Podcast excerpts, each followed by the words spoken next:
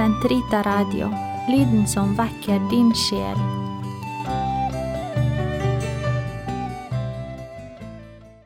Kroppens teologi, en kommentar til pave Johannes Paul 2.s onsdagskatekeser av Eirik Ambrosius Stenhoff. Totus tuus ego sum, et omnia mea tua sunt, Archipio te in mea omnia, prebe mi cor tum Maria. Annen del av onsdagskatekesene Ekteskapets sakrament. Ekteskapspakten som ursakrament og analogi. Episode 16 Efeserbrevet kapittel 5 Grunnlaget for ekteskapsteologien. Katekesene 87 til 93 Del 2 Efeserne 5 Analogi og mysterium. Katekesene 88 til 90 Vi fortsetter i denne delen pavens analyse av Feserbrevet, kapittel 5, versene 21 til 33, som ble sitert sist gang. Først trekker paven frem dette avsnittets plass innenfor Efeserbrevet som helhet. Han ber oss legge merke til brevets struktur, som er svært betydningsfull. I det første kapittelet skriver brevforfatteren at Faderen har forutbestemt oss til å bli hans sønner gjennom Jesus Kristus. Og Derfor gav han oss sin sønn i tidenes fylde, som har gitt oss del i forløsningen for at hans evige plan skulle oppfylles, nemlig at alle ting skal sammenfattes i Kristus eh, som alle tings hode. Den aller siste formuleringen, som vi finner i kapittel 1 vers 10, knytter an til resten av brevet. Hodet er en eh, gjennomgående metafor, eller en analogi. I versene 22 og 23 heter det at Gud har satt Kristus over alle ting som hode til kirken, som er hans legeme. Kristus åpenbarer seg derfor som kirkens hode, som en integrert del av Guds opprinnelige frelsesplan. Denne Deltagelsen i Kristi mysterium er altså noe konkret sett fra et menneskelig perspektiv, og er altså oppsummert i et så konkret bilde som kroppen. Dette er også utgangspunktet for den moralske forkynnelsen i Efeserbrevet. Enhver kristen, heter det, er kalt til å bevare enheten i legemet. Vi er alle gitt ulike nådegaver og dermed oppgaver i Kristi kirke, men alle uten unntak er kalt til å overvinne synden og oppnå de dyder som svarer til kallet i Kristus. Kapittel 4 handler om dette. Etterlign Gud som hans elskede barn, og vandre i kjærligheten, slik Kristus elsket oss og gav seg selv for oss som et offer. Slik heter det i eh, kapittel 5, versene 1 og 2. Efeserbrevet 5 begynner med en fordømmelse av urenhet og synd og hedenske skikker. Her omtaler brevet, eh, som vi kanskje kjenner til, drukkenskap, seksuelle utsvevelser, unødig snakk og bannskap. Det kristne livet, står det, dreier seg om å vandre eh, som lysets barn, og å gi takk for alle ting i Jesu Kristi navn.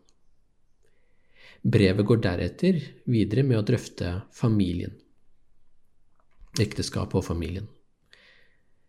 Overgangen er altså fra Guds universelle frelsesplan for alle mennesker i første kapittel, og videre til Kirken som Kristi legeme, og videre igjen til det kristne kallet og livet i Kirken i kapitlene fire og fem, før vi til slutt kommer til ekteskapet og familiens kår og også eh, tjenernes kår.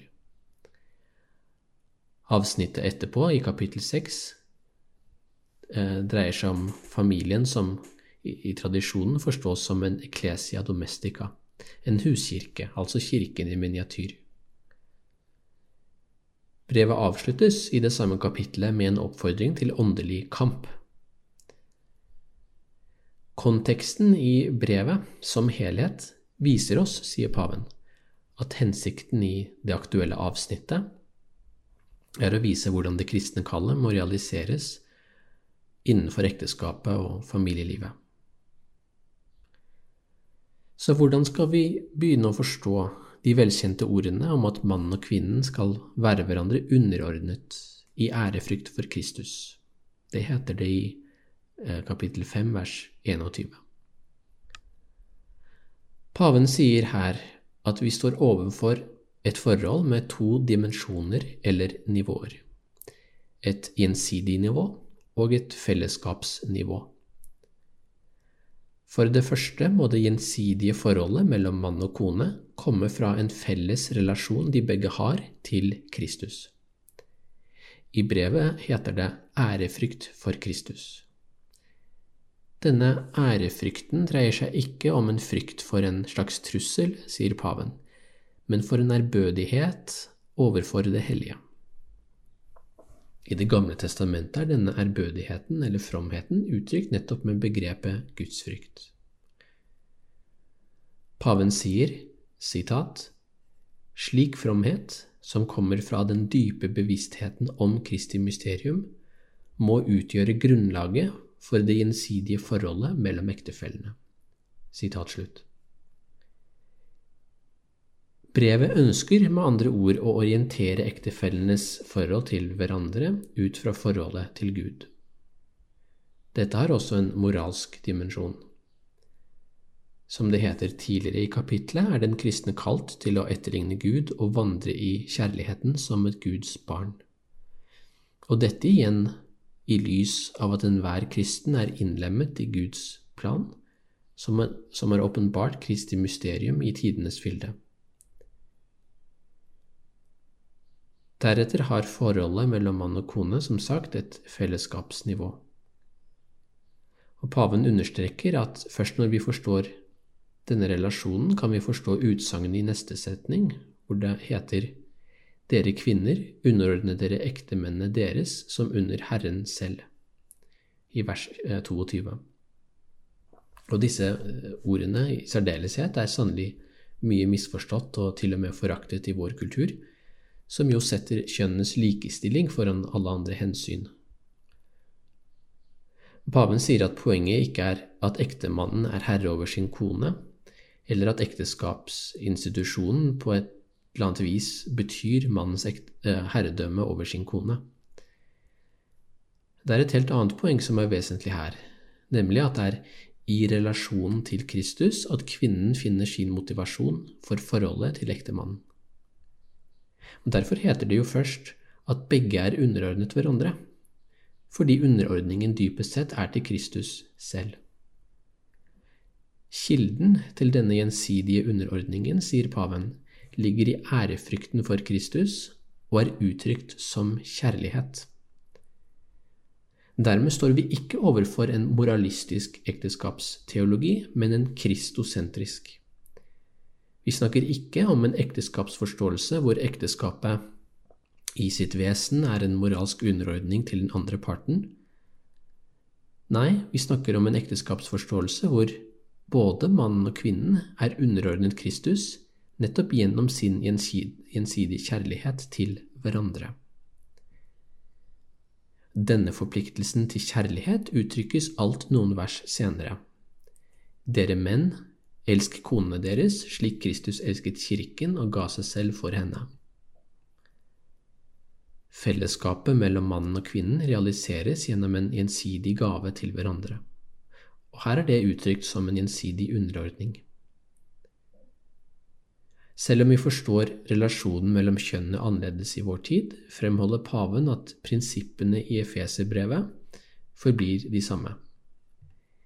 De gir oss en basis for det kristne ekteskapet, slik at fellesskapet mellom ektefellene kan være en sann kilde til en realisering av communio personarum, som er selve kjærlighetens mål.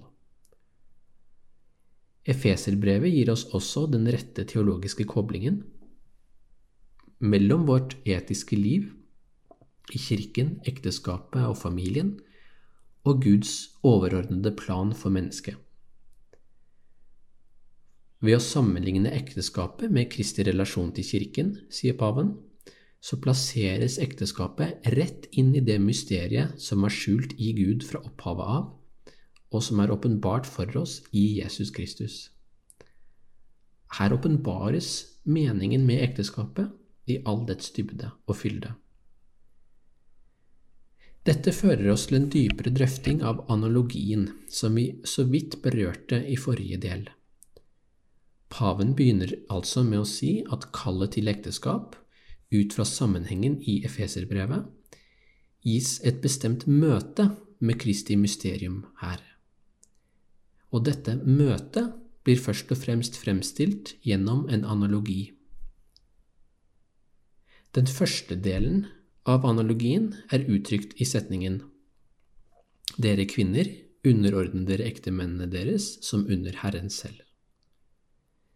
Den andre delen av analogien er uttrykt i setningen For mannen er kvinnens hode, slik Kristus er kirkens hode.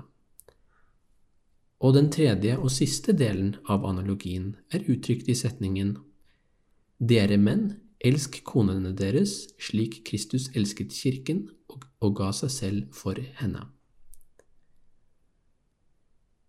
Disse setningene peker mot det samme nemlig at det gjensidige forholdet mellom ektefellene må forstås som et bilde på forholdet mellom Kristus og kirken. Her har vi den store analogien i et nøtteskall. Paven sier noe viktig i den neste katekesen, katekesen 90, som vi også skal komme tilbake til flere ganger i etterfølgende episoder. Som vi alt har sett, ønsker han å vise hvordan Efeserbrevet knytter åpenbaringen av Kristi mysterium i tidenes fylde sammen med ekteskapelig kjærlighet, som dermed blir et eh, bilde på selve frelsesmysteriet. Analogien både belyser mysteriet og blir belyst av mysteriet, sier paven. Fordi Ekteskapsanalogien viser oss en bestemt dimensjon ved Guds frelsesplan, nemlig Kristi relasjon til Kirken, som igjen er et uttrykk for Guds kjærlighet til mennesket fra skapelsen av, ja, fra evighet av.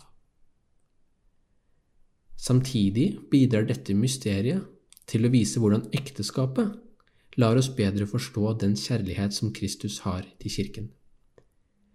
Og Kirken er det åsted og den tid hvor Guds evige plan for vår frelse blir realisert, her og nå i historien. Dermed avdekkes også en ny betydning for selve ekteskapet, nemlig at ekteskapet kan bare sies å svare til det kristne kall når det gjenspeiler den kjærlighet som Kristus har til Kirken. Når Efeserbrevet ber oss om å elske våre koner og underordne oss våre ektemenn, liksom Kristus elsker Kirken og Kirken er underordnet Kristus, er det formulert som et moralsk krav. Og dette innebærer, sier paven, at det må være en reell sammenheng mellom ekteskapets kjærlighet og Kristi kjærlighetsmysterium. Vi kan derfor tale om en reell deltakelse i Kristi egenkjærlighet.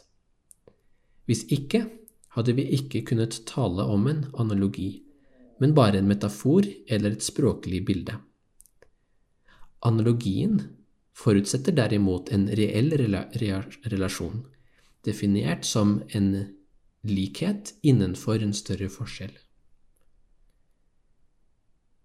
I de følgende katekesene ønsker paven å utvikle en dypere ekteskapsteologi basert på denne analogien i Efeserbrevet mellom Kristus og kirken og ekteskapets kjærlighet.